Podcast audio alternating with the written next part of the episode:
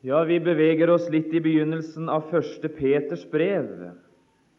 Og Overskriften for denne tredje timen det er 'Arven og arvingen'. Arven og arvingen. Og Vi vil lese sammen vers 3 og 4 og 5 i første Peters brev, det første kapittelet. Lovet være Gud og vår Herre Jesu Kristi Fader, Han som efter sin store miskunn har gjenfødt oss til et levende håp ved Jesu Kristi oppstandelse fra de døde, til en uforgjengelig og usmittet og uvisnelig arv som er gjemt i himlene for dere, dere som ved Guds makt holdes oppe ved troen, til den frelse som er ferdig til å bli åpenbaret i den siste tid. Herre Jesus, vi ber enda en gang om hjertets opplyste øyne til å se med, til å forstå, hva for et håp det er vi er kalt med. Vi ber òg, Herre, om et glimt av hvor rik på herlighet den arv er som du har skjenket dine hellige. La oss få et glimt av rikdommen i deg enda en gang. La oss få se vår rike, store stilling som Guds arving og Kristi medarving. Vi ber om ei nådestund med visdoms- og åpenbaringsånd virksom imellom oss. Amen. Det er den evig rike Gud vi møter i ordet vi har lest sammen nå. Håpets Gud, det er den evig rike Gud. Hans rikdom den er uendelig. Her er ingen rik som han. Så er her likevel én ting som den rike Gud kan berikes med. Her er én ting som kan gjøre det enda rikere for den evig rike Gud. Det syns jeg er en velsigna tanke. Det er når han får berike andre. Du, der er noe som kan berike den rike Gud.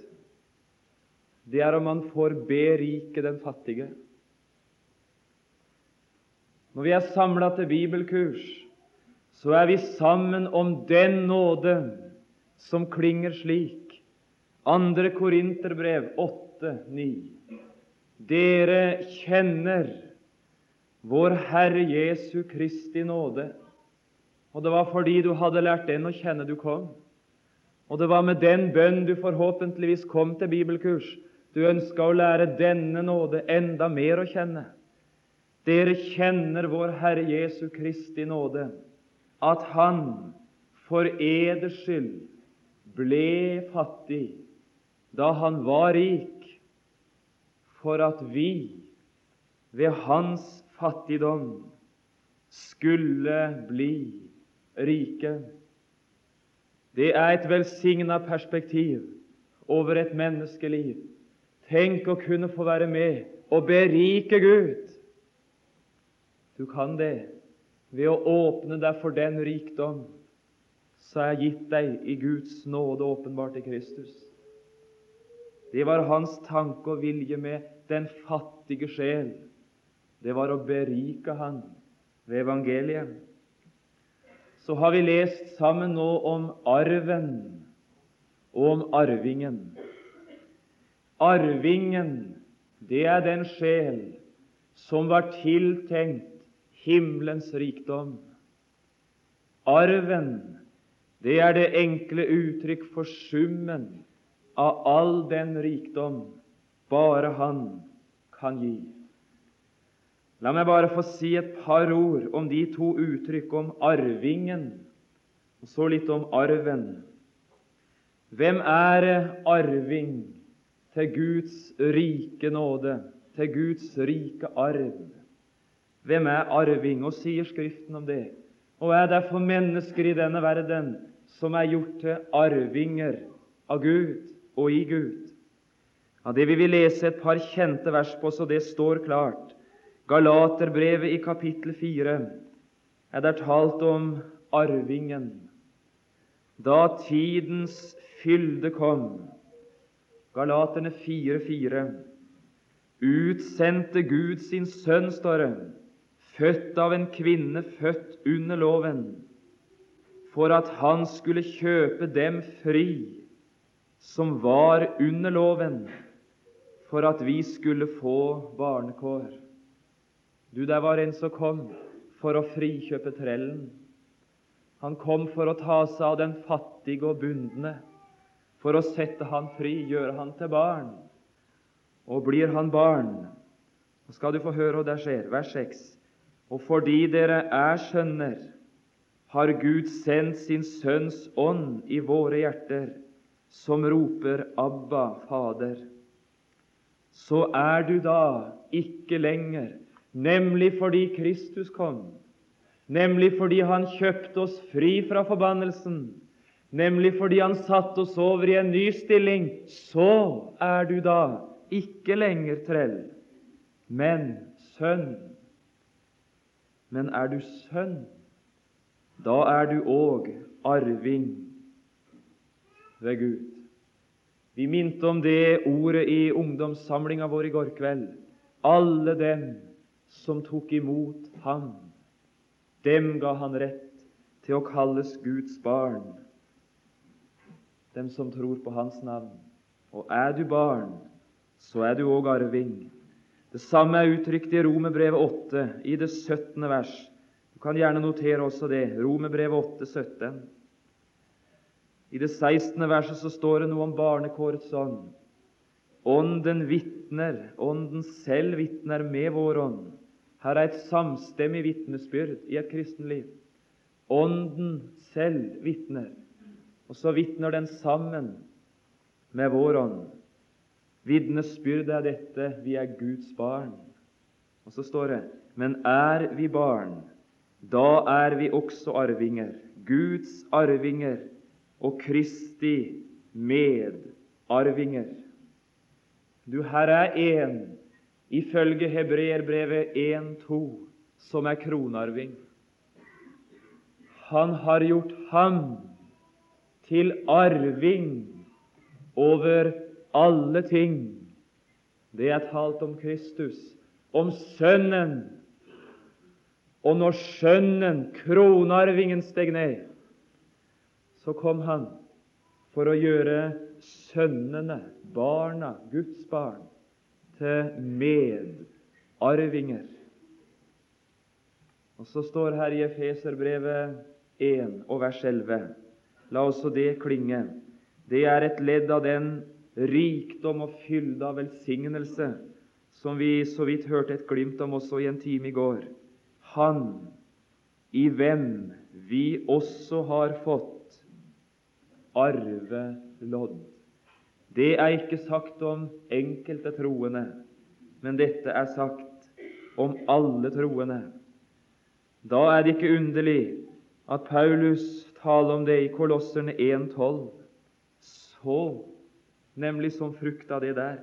Så dere med glede takker Faderen,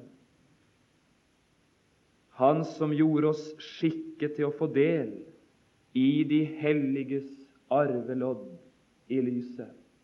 Det å få se seg selv som arving, Guds arving, Kristi medarving, det tenner en takknemlighet.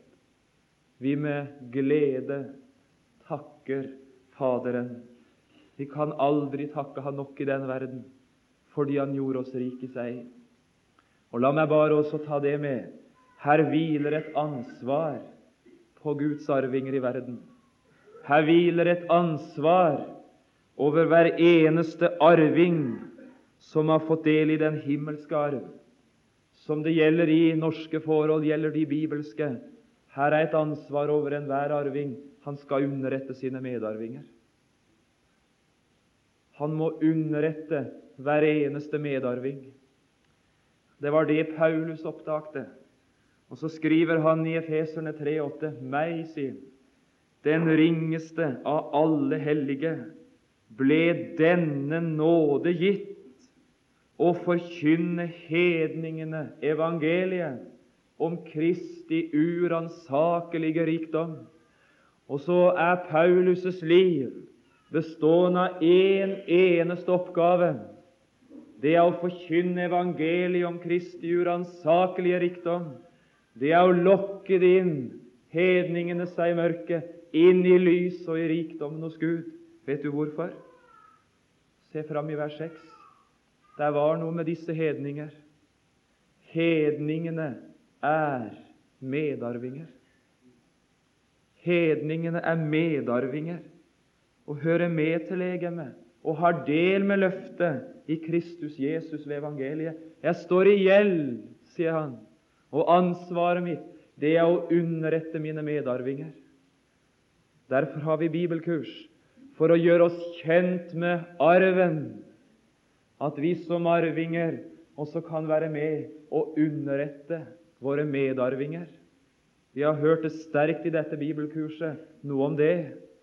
Å være av de som taler vel om kronarvingen, at medarvingene kan gjøres kjent med han, bli glad i han. Og Så bare en liten sak òg om arven. Det var litt om arvingen. På norsk så bruker vi ordet arv om noe som vi kan overta, eller som overtas etter en som er avgått ved døden. Det er innholdet av begrepet arv på norsk. Arv det er altså det som han etterlater seg til sine arvinger, som nå er avgått ved døden. Og Den norske måten å tenke på hører vi ganske ofte også båret fram i kristen forkynnelse, og vi gjør det med rette. Vi hører f.eks. lest om den rike unge mann fra, fra Markus 10. Husker du han? Fra vers 17. Han som kom løpende til Jesus og falt ned for ham. Og Så spør han, ikke sant, Gode mester, hva skal jeg gjøre for å arve evig liv? Og Så gjør ofte predikanten det store nummer av dette. Hva gjør en for å arve? Og så er evangeliet budskapet i, i prekenen da en gjør intet for å arve. Men her er en som er avgått ved døden, og så ligger her en arv etterlatt fra den døde.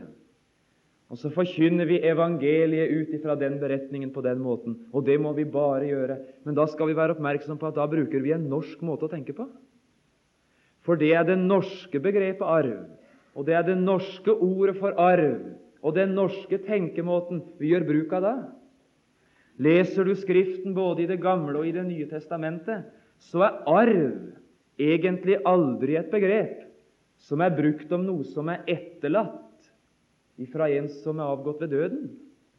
I Skriften så er begrepet arv alltid brukt om det som Gud ifølge sitt løfte har lovt sine arvinger. Arven i Skriften det er en rikdom og en skatt som vi kan få del i i kraft av Guds løfte. Da Israel inntok Kanans land, så fikk hver stamme og hver familie sin del i landet. De kalte det sin arvelodd. Hvordan fikk de del i den arven? I kraft av et løfte. I kraft av et løfte som var gitt til fedrene.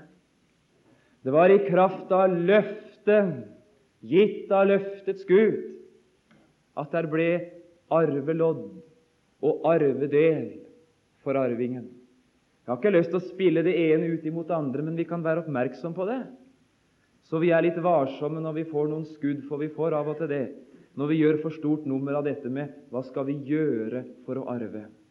Nå skal det altså sies at her måtte en død til.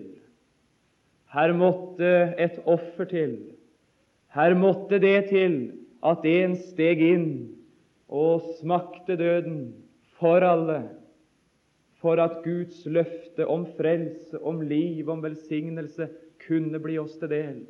Guds løfte var betinget av Kristi død, men Kristi død tilveiebrakte arven.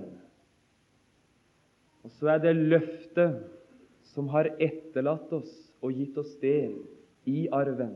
Jeg vet ikke om du får tak i bare den måten som Bibelen bruker ordet på. Jeg hadde bare lyst til å nevne det, for det kan være greit å være oppmerksom på. Leser vi litt i, i, i Hebreerbrevet 6, så ser du akkurat det. Kunne jeg bare ta fram det, så så vi det. I Hebreerne 6 der er det tale nettopp om, om løftet og disse her ting. I vers 11.: Vi ønsker at enhver av dere må vise den samme iver for den fulle visshet i håpet inntil enden. Og Så står det for at dere ikke skal bli trege, men etterfølge dem som ved tro og tålmod arver løftene. Og Så står det et eksempel på det, nemlig Abraham. For da Gud gav Abraham løftet, svor han ved seg selv, ettersom han ingen større hadde å sverge ved, og sa:" Sannelig, jeg vil rikelig velsigne deg og storlig mangfoldiggjøre deg. Og da han således hadde ventet tålmodig, oppnådde han det som var lovt. Hvordan ble han rik, denne Abraham? Hvordan fikk han del i det alt sammen? I kraft av et løfte. Der gikk nok noe tid, men fordi han ventet tålmodig, så fikk han innta det alt. Han var arving i kraft av et løfte. Og Så kalles vi, vers 17, vi som hører denne pakt til. Derfor, da Gud ville enn mere vise løftets arvinger hvor uryggelig hans vilje var, osv., gikk han imellom med ned. Arving, eller arv i Skriften, det er altså brukt om noe som er overgitt oss, som er tildelt oss på grunn av et løfte Gud i sin uforskyldte nåde har gitt. Han har skrevet ei bok, Egil Strand, den fine pinsevenn, forstanderen og forkynneren, som heter 'Håndbok til Det nye testamentet'. Jeg tror den var en del på salg nå. Den skulle du altså få tak i. Det er glimrende, glimrende lita sak. Og Leser du en del baki der, så vil du finne akkurat noe mer om det som jeg har nevnt nå. Det er et sted å gå til. At det ikke er min tanke bare, dette der, altså. Og så tar Peter altså fram to sannheter både om arven og om arvingen. Og jeg får si det at det som disse to sannheter inneholder, som vi har lest sammen nå i vers 4 og 5 her i 1. Peter 1, det er noe av det som for meg har vært aller mest dyrebart. Her taler han både om arven, og han taler om arvingen. Herren har tatt hånd om begge deler. Og jeg syns jeg i disse to versa ser Guds to hender. Hver av de tar hånd om en bestemt dyrebar sak. Her er en Guds hånd som tar hånd om arven. Den har Han tatt hånd om, gjemt og bevart for oss i himmelen. Og med den andre hånd tar Han hånd om arvingen han er enda i verden, og fordi han er i verden, så har han slik bruk for å bli tatt hånd om av en som kan passe på han og bevare han, at han virkelig skal få det i arven. Det syns jeg er et velsigna bilde av Gud. Han som tar hånd om arven og gjemmer den trygt hjemme hos seg. Han tar også hånd om arvingen, at han skal nå like trygt hjem til herligheten. Litt om det ene først vers 4. Vi er gjenfødt til et levende håp, nemlig til en uforgjengelig og usmittet og uvisnelig arv som er gjemt for dere i himlene, eller gjemt i himlene for dere. Hvis vi skulle sette et enkelt ord på hva den arv innebærer, kunne vi kanskje bare nevne to bibelord, så det bare er, er, er tatt fram. Jeg tenker på Titus 3,7. Titus 3,7. Der er det talt om vi som ble rettferdiggjort ved nåden. Hvorfor ble vi det? For at vi, rettferdiggjort ved Hans nåde, efter håpet, skulle bli arvinger til det evige liv. Du, her er en arv av evighetskvalitet, arvinger til det evige liv. Og jeg nevner òg Johannes, 1. Johannes brev 2,25. Dette er det løftet han lovte oss, det evige liv. Du, den evige Gud, han var på denne trang og dette ønsket. Og om jeg kunne få, få gi den forgjengelige, og om jeg kunne få gi den fattige sjel del i noe av evighetsverdi. Og Så ga han oss løfte, og så ga han oss muligheter om en arv bestående av et evig liv, og alt som dette liv innebærer, alt som hører med til det evige liv, det er gitt deg i og med den arven. Denne arven, sier Peter, den skal vi ikke miste. Den skal vi ikke forlise. Den er det ingen som kan ta fra oss. Den skal ikke kunne skitnes til. Den skal ikke tape sin verdi. Den arven, den er evig rik. Den er bevart, og den er din. Her var mange forhold for Peters venner som gjorde det nødvendig å få høre det. Og Kanskje kunne vi nevne tre forhold. For det første opplevde de, i likhet med oss, hva det er å være menneske. Menneskelivet er på mange måter å leve i et konstant tap. Å være menneske, det er å tape hele veien. Det er å miste og miste og miste. Bare tenk, barndommen din, den er borte. Du får den aldri igjen. Ungdomstida di, glansperioden, den forsvant. Du får den aldri tilbake. Manndommen er endog for en del et tilbakelagt stadium. Alderdommen kommer, og når livskvelden er der at vi skal over grensa, så er alt borte. Vi får ikke igjen noe, verken barndom eller ungdom eller manndom. Det forsvant ifra som en røyk, alt. Vi som nok hadde opplevd det så rikt og godt, og som fryda oss over livet hele veien, vi måtte erkjenne alt kjøtt er som gress. Her kommer en dag da det visner i denne verden. Og som selve livet er, så er også alt livet gir, underlagt samme lov. Kreftene du har i ungdom og manndom, de har du ikke for alltid. De svinner. Penga våre huttet hu og fort i går. En skulle ha trodd altså at de kunne vare noe lenger, så mye som vi tjener i dag. Men det forsvinner som en røyk, alt. Muligheter, anledninger, det er av og til en fortvilelse. Vi forsømte de, vi brukte de ikke, og så forsvant de. De kom aldri mer igjen. Venner endog, så vi hadde slik hjelp og nytt og glede i verden. Endog ikke de beholder vi. Her kommer dager da vi mister de én, og så én, og så enda en. Her kommer endog en dag da ingen av våre kjæreste venner kan følge oss med. Menneskelivet, det er på mange måter en eneste opplevelse av å tape, av å miste. En opplever her er noe som ikke består.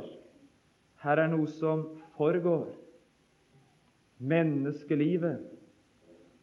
Og så kristenkår i verden. Sannelig hadde Peters venner begynt å forstå og erfare at det var mer å miste for en kristen. De var nemlig begynt å miste alle sine rettigheter som mennesker i verden. De hadde begynt å li. De hadde begynt å få det vondt. De hadde begynt å bære smerte for Jesu navns skyld. Friheten hadde noen mista. Foreldreretten hadde noen tapt. Barna var i begynt å tatt ifra dem. Friheten til å komme sammen i Jesu navn, den var snart borte. De ble ikke behandla lenger rettmessig som andre folk. De måtte lide, og de var endog bedt om å finne seg i det og lide urettferdig. De hadde opplevd maktmisbruk og terror og elendighet. De begynte å oppleve kår i denne verden, da det endog kunne begynne å koste livet, det å bekjenne Jesu navn. Og Så opplevde disse Peter skriver til, nemlig om arven som er gjemt. De opplevde de var begynt å miste de fleste av sine privilegier i denne verden fordi de hørte Jesus til. Her er noen i denne verden som opplever det i dag. Her er noen i denne verden som opplever det i dag. Og vi skal fryde oss over at det er sant som salmedikteren synger, at det er sant også for dem som liv, og tok igjen vårt liv. Gods ære, barn og vi. Og så lyder Herren troens triumf. La fare hen, la gå. Vi kan ei mere få. Guds rike vi beholder. Du, her er noe vi beholder, om vi tar oss av alt dette. Og Her var et tredje forhold ved sida av menneskelivet, ved sida av de trange kristenkår, som gjorde det nødvendig for Peter å tale om det som består. Det var nemlig dette noe av det aller verste for en kristen, det er når han opplever fall, nederlag, svikt, forsømmelser, fortvilelse, når han kjemper med mislykkethet og likegyldighet, når tankene står malt foran hva han skulle ha vært, og så må han erkjenne jeg er noe ganske annet enn det jeg skulle ha vært. Da kan det mer enn en gang i et kristenliv melde seg den tanken Forspiller jeg det alt nå, når det går så i stykker for meg? Er det noe som holder nå, eller har jeg mista alt? Vi har bitre erfaringer av slike stunder, da vi skuffa oss sjøl og våre medmennesker, da vi gikk i dørken i et drepende nederlag, og hvor djevelen pekte på oss og sa det er ikke håp for en stømper som deg. Da meldte den tanken seg er det håp nå? Det så så håpløst ut. Har jeg forkludra alt? Nei, du kan være trygg du ikke har. Her er noe som ikke kan forkludres. Her er noe som ikke kan skitnes til. Her er noe som ikke er underlagt forgjengelighet. Det er den arv som er bevart og gjemt hos Gud. Jeg har så lyst til å streke under det, de tre herlig flotte uttrykka som Peter bruker. Han sier om arven tre fine ting. Det er som regel ikke gode ting som begynner med U. Det er alltid negativt ofte. Men her er det altså positivt. Til en uforgjengelig. Du som opplever forgjengelighet i de fleste områder av livet, du har del i noe uforgjengelig. En uforgjengelig arv. En arv som ikke kan forgå. En uforgjengelig Og så bruker han det siste uttrykket en uvisnelig arv. Hva betyr det? Det betyr at arven aldri verken kan eller skal miste sin skjønnhet, tape sin verdi. Den skal aldri devalueres. Den skal aldri altså gå ned i kurs. Den er uvisnelig. Slik er vår arv, den vi fikk hos Han. Uvisnelig. Mens alt i verden visner, så er det noe som ikke taper sin verdi. Og midt imellom det uforgjengelige og det uvisnelige så bruker han et fint uttrykk. En usmittet arv. Hva betyr det? Det betyr at jeg aldri verken kan eller skal ikke engang med mine bitreste nederlag, ikke engang med mine sværeste fall. Jeg skal aldri og kan aldri forkludre eller tilskitne eller ødelegge og grise til den arven. Den er usmittet, fordi Herren har bevart den på et sted der jeg ikke kan smitte den til. En uforgjengelig, usmittet og uvisnelig arv.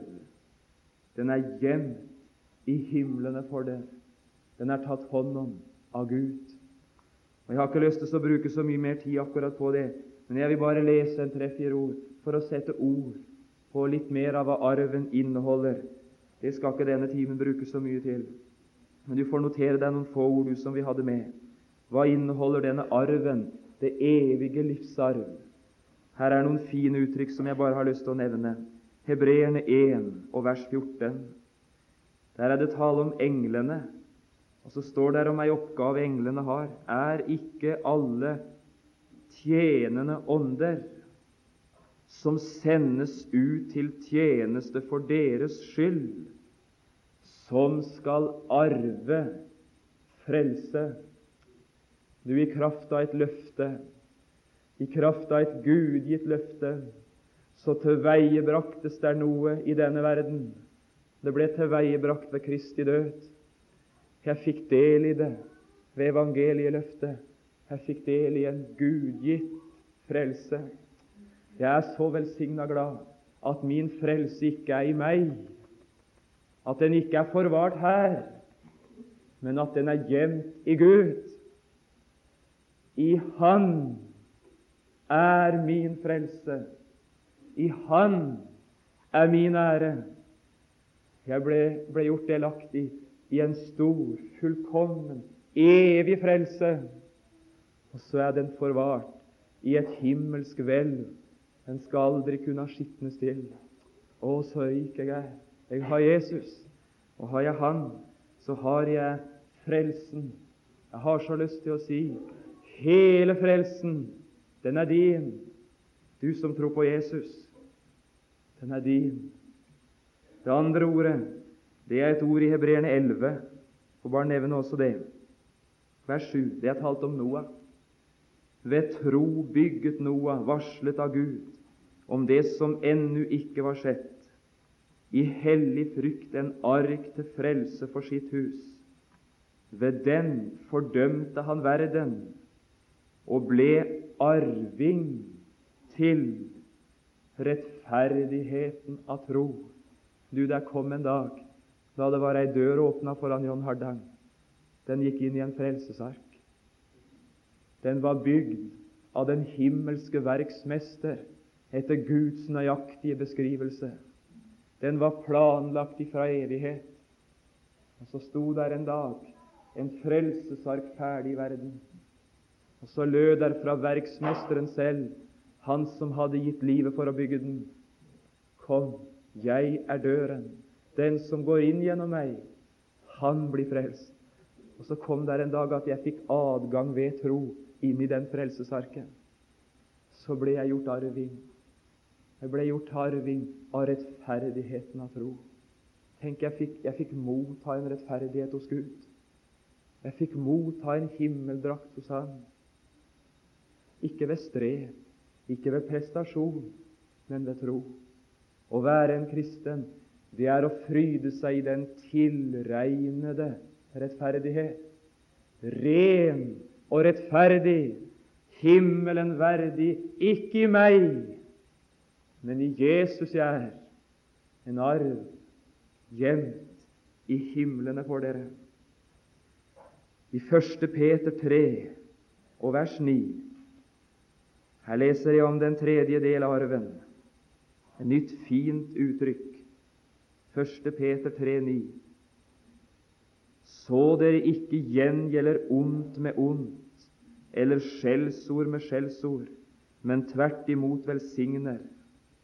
For dertil ble dere kalt, at dere skal arve velsignelse. Og vet du hva der står om Herrens velsignelse? Det er Herrens velsignelse som gjør rik, står. Og eget strev legger intet til. Hvor er den velsignelse å finne? I det hjertet som føler seg salig og velsignet? Nei, nei. Det hørte vi òg i går. Lovet være Gud, Efeseren 1,3. Og vår Herre Jesu Kristi Far, Han som har velsignet oss med all åndelig velsignelse. Hvor hen? I himmelen i Kristus. Og Der var nevnt en syvfoldig velsignelse ifølge det fra Seteråsen i går. Vi skal arve velsignelse. Vi fikk det i kraft av et gudgitt løfte. Det ble etterlatt oss ved Kristi død. Det er vårt, vi er barn. Og Det siste ordet det skal bare være Jakob 2,5. Jakob 2,5. Så lyder også det.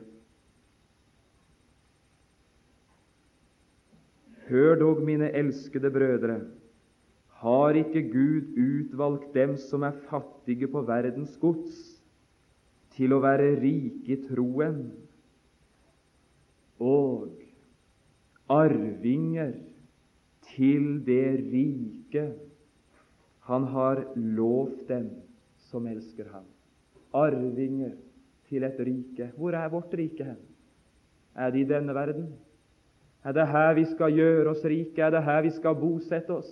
Er det her vi skal bruke vår energi på å dominere? Nei, nei. Vårt rike Efeserne 3,20. Nei, Filipperne 3,20. Vårt rike, det er i himlene. Tenk så er jeg gjort arving av et rike, et usynlig, men himmelsk herlighetsrike. Vi skal arve det riket som Han lovte oss. Det får være nok om arven. Bare nevnt Efeserne 1,13 til slutt. Du har fått en forsmak. Du har fått altså en, en, en, en utbetaling allerede. Du har fått en garanti på at du, du, nok skal få tak i alt og få del i alt. I, i Efeserbrevet 1 Det er så flott, syns jeg. Der tales det om Den hellige ånd på en måte som vi aldri hører i dag. Det har aldri vært så mye snakk om Den hellige ånd som det er i våre dager. Men det tales aldri om verken pant eller innseil. Aldri, nesten. Det er fortvilt. Her står det noe om Den hellige ånds sannheter som vi må ha tak i.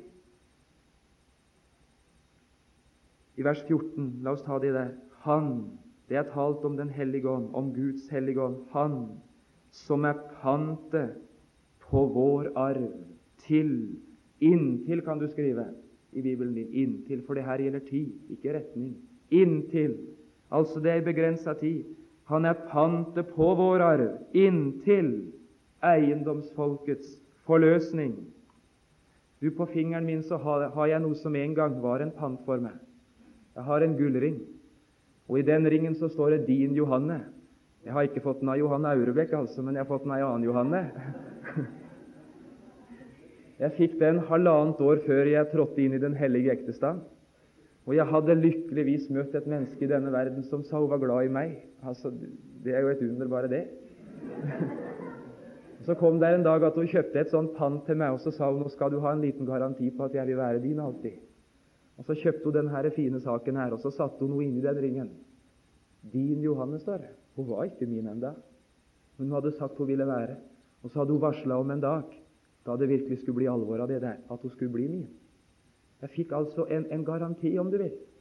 Så jeg bar på fingeren, og som de kunne se alle. Nå visste de alle altså at her er det, her er det Han tilhører en annen nå. Jeg fikk en garanti, et pant, på at det skulle komme en dag da jeg, da jeg ble enda rikere enn jeg var. Jeg har så lyst til å si da Guds ånd tok bolig i ditt hjerte, så var det som en himmelgitt garanti, et pant, på at det skal bli enda bedre. Du skal, du, skal få, du skal, få, se det som du må tro her. Der skal komme en dag med bryllup i himmelen, da du skal få innta det alt. Det som er ditt nå, og som du er garantert i kraft av arvets pant, han ga oss sin ånd som pant. Velsignede Gud, velsignede arv. Og Så litt til slutt om arvingen. Det skal altså være noen få, men dyrebare sannheter. Det var godt, du, at den evige Gud ikke bare dro omsorg for arven, men at han tenkte også på arvingen. Og hjelper det med et stort og herlig mål for den som aldri når målet og hjelper det med en rik og herlig arv for han som aldri får innta den. Det visste Gud. Og så tenkte han jeg må ikke bare ta hånd om arven og sørge for den sida av saken, men jeg må sannelig meg gjøre noe for arvingen. Jeg må ta hånd også om han. Og det har jeg lyst til å si. Den evige Gud, han har påtatt seg å føre hver eneste av oss helt hjem vi leser ofte vers 4 i 1. Peter 1, og så slutter vi etter vers 4 og taker med vers 5. Vi er gjenfødt til en uforgjengelig og usmittet og uvisnelig arv, som er gjemt i himlene for dere, og så er arven i orden. Men det er noe mer som er i orden. Dere som ved Guds makt holdes oppe ved troen, til Gud ikke klarer mer. Nei, nei. inntil den frelse som er ferdig til å bli åpenbart i den siste tid. Vi holdes oppe, står det, ved troen. Det er en guddommelig oppdrift i et kristenliv som gjør du skal aldri gå under. Ved Guds makt holdes vi oppe ved troen. Ja, er det kraft nok i, i Guds makt til å holde oss oppe? Ja, du kan være trygg der. Jeg nevnte Feserbrevet 1 og leste vers 14 om pantet. Vil du se i vers 13, verset før? Når jeg nevnte pantet, så syns jeg jeg skulle ta med det i begynnelsen av det siste her. I ham, altså i Kristus, det er igjen talt om Guds hellige ånd, i ham har også dere, da dere hørte sannhetens ord, evangeliet om deres frelse. Så står det I ham har dere òg, da dere var kommet til troen, fått til innseil Den hellige ånd, som var oss lovt. Og har pantet med arven å gjøre, så har innseilet med arvingen å gjøre. Husker du da de la Jesus i graven og velta steinen for? Da kom der en delegasjon til Pilatus, og så ba de om vakt. Og Så står det i slutten av Matteus 27 at de fikk vakt. Og så slutter det kapitlet med at keiserens seil det ble festa på graven. Hva betydde det?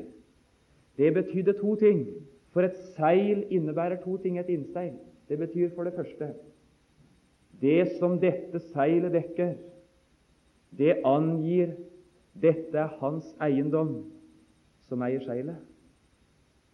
Og når keiseren festa sitt seil på Kristi grav, så fortalte det egentlig dette er keiserens eiendom. Og det andre det fortalte, var dette. Et seil forteller at all hans makt og all hans kraft som eier seilet, er satt inn på å verne om det og bevare det. Det var det dyrebare for eh, fariseerne og de skriftlærde om de fikk keiserens seil på. Hver eneste som brøyt det seilet nå, risikerte hele den romerske krigsmakt på nakken. Seilet garanterte full styrke i forsvaret. Og nå skal du høre, så kom der en dag da Herren satte sitt seil på deg, unnskyld, sitt innseil på deg. Og så sa han, han er min eiendom. Nå hører han meg til. Nå har jeg fått tatt hånd om han. Mine får så høre min røst. Jeg gir dem evig liv.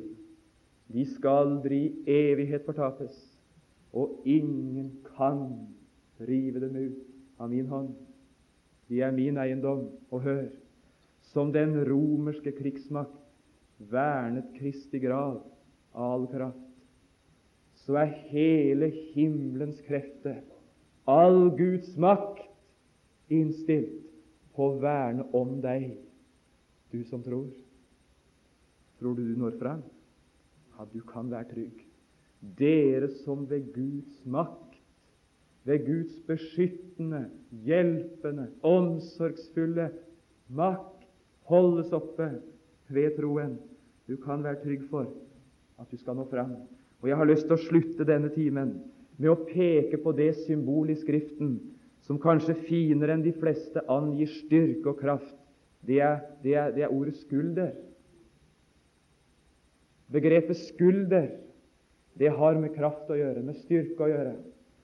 Og Jeg har slått litt opp noen steder i Bibelen, og det er altså sånn velsignelse å lese om Hans skulder, som har tatt hånd både om meg og om deg. Vil du høre en tre-fire ord før jeg sier amen nå? Første ordet du skal få høre for å få det inn i perspektiv, det er Isaias 9,6. Der står altså om den Herre Jesus et barn er oss født, en sønn er oss gitt. Og så står det og herredømmet er på hans skulder. Hva betyr det? Det betyr at Herren på sin ene skulder oppholder alt som heter skapt synlig og usynlig. Det betyr at Herren på én skulder oppholder universet, jorden, verden, mennesker, historie, alt. Og denne verden skal ikke gå under før Gud vil. Det kan du være trygg for. Han har herredømme på sin skulder. Ha det som bakgrunn. Og verden har ikke gått under til denne dag. Og hør så Lukas 15. Her er det lest og fortalt om en, en hyrde. Et velsigna bilde på Jesus. En hyrde. Han hadde 99, og så mista han en. Og så slo han seg til ro med 99. Nei, det var det han ikke gjorde. Og så står det han forlater de 99 i ørkenen og går etter det til han ikke orker mer. Nei.